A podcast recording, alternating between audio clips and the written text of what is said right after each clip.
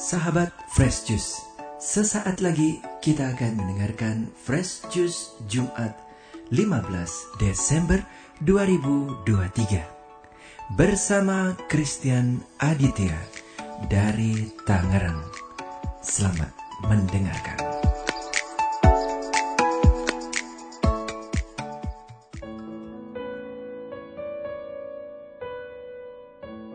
Halo sahabat-sahabat Tuhan Yesus, berjumpa lagi dengan saya Christian Aditya, legioner dari Presidium Ansila Domini, Paroki Alam Sutra, Gereja Santo Laurentius.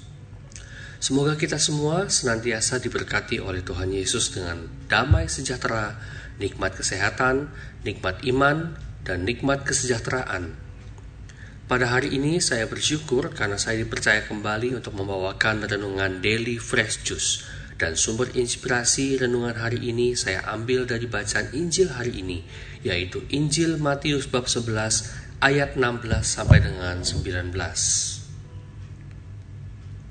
Inilah Injil suci Yesus Kristus menurut Matius. Dimuliakanlah Tuhan. Yesus berkata kepada orang banyak, "Dengan apakah akan kuumpamakan angkatan ini?" Mereka itu seumpama anak-anak yang duduk di pasar dan berseru kepada teman-temannya, "Kami meniup seruling bagimu, tetapi kalian tidak menari.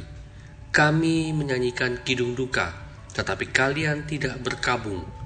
Sebab Yohanes Pembaptis datang, ia tidak makan dan tidak minum, dan mereka berkata, "Ia kerasukan setan."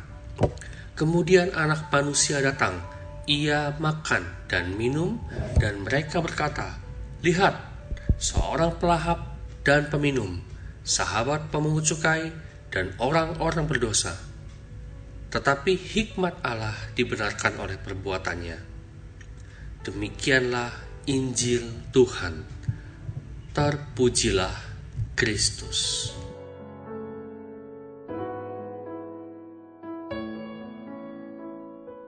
Sebelum saya masuk pada renungan yang hendak saya bawakan pada hari ini, izinkan saya melemparkan satu, satu saja pertanyaan reflektif untuk kita semua. Seberapa pentingkah masa Advent untuk kita umat Katolik?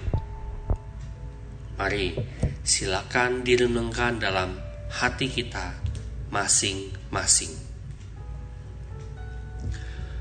Penghayatan akan hari Natal bagi kita umat Katolik tentunya berbeda dari umat Protestan, baik dari denominasi mana pun. Kita, umat Katolik, mengawali Natal dengan menjalani empat pekan Advent, dan sekarang kita telah memasuki pekan Advent yang kedua. Empat pekan ini menjadi masa ziarah batin sebelum akhirnya kita merayakan hari raya Natal yang akan kita rayakan di tahun ini pada 25 Desember 2023. Saya punya perasaan yang cukup menggelitik dengan keadaan sosial yang datang dari ucapan beberapa rekan muda Katolik di beberapa pertemanan yang saya tergabung di dalamnya. Saya merasa dan apa ya? bahwa ada statement ataupun pandangan bahwa Advent di gereja Katolik tidak terlalu penting saya tidak menjustifikasi dan tidak mengeneralisir bahwa mereka adalah kondisi umat Katolik saat ini. Khususnya OMK ya, saya tidak mengeneralisir. Tetapi semoga kita semua, Anda dan saya, sama-sama mempunyai sikap batin yang dewasa tentang bagaimana menyikapi dan menyambut Natal di dalam kehidupan beriman kita khususnya kita adalah umat Katolik. Masa Advent inilah yang seharusnya kita syukuri sebagai suatu rahmat dan kita lestarikan sebagai kekayaan gereja Katolik tentang bagaimana kita umat Katolik mempersiapkan dan menyambut Natal. Saya menggambarkan masa Advent ini kurang lebih divisualkan, ya divisualkan itu maksudnya diimajinasikan. Seperti kita mempersiapkan kelahiran anak kita, bayi kita. Bagi para pasutri, pasangan suami istri, hari-hari atau bulan menjelang kelahiran adalah masa paling mendebarkan dan membawa rasa excited yang tinggi untuk menyambut kelahiran si bayi. Umumnya, perasaan excited ini bukan hanya pada si pasutri, maksudnya bukan hanya pada kondisi psikis si pasutri, namun juga biasanya terbawa buat keluarga besar.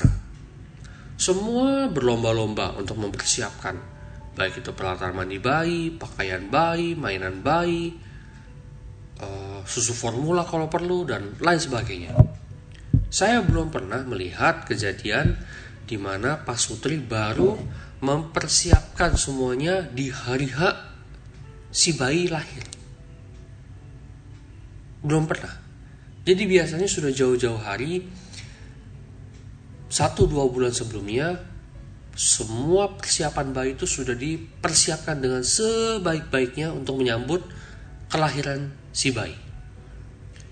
Jadi, sikap seperti ini jugalah yang seharusnya kita aplikasikan untuk mempersiapkan peringatan kelahiran bayi Yesus. Masa Advent seharusnya kita isi dengan segala persiapan batin yang membuat kita pantas untuk menyambut hari raya Natal. Sehingga Natalnya orang Katolik seharusnya bukan hanya soal baju baru, gadget baru, mobil baru, pesta pora, dan segala hal yang lahiriah bersifat baru. Namun, juga harus membuat kita menjadi manusia baru dari tahun ke tahun maka kita isi Advent kita ini dengan segala sikap batin yang pantas.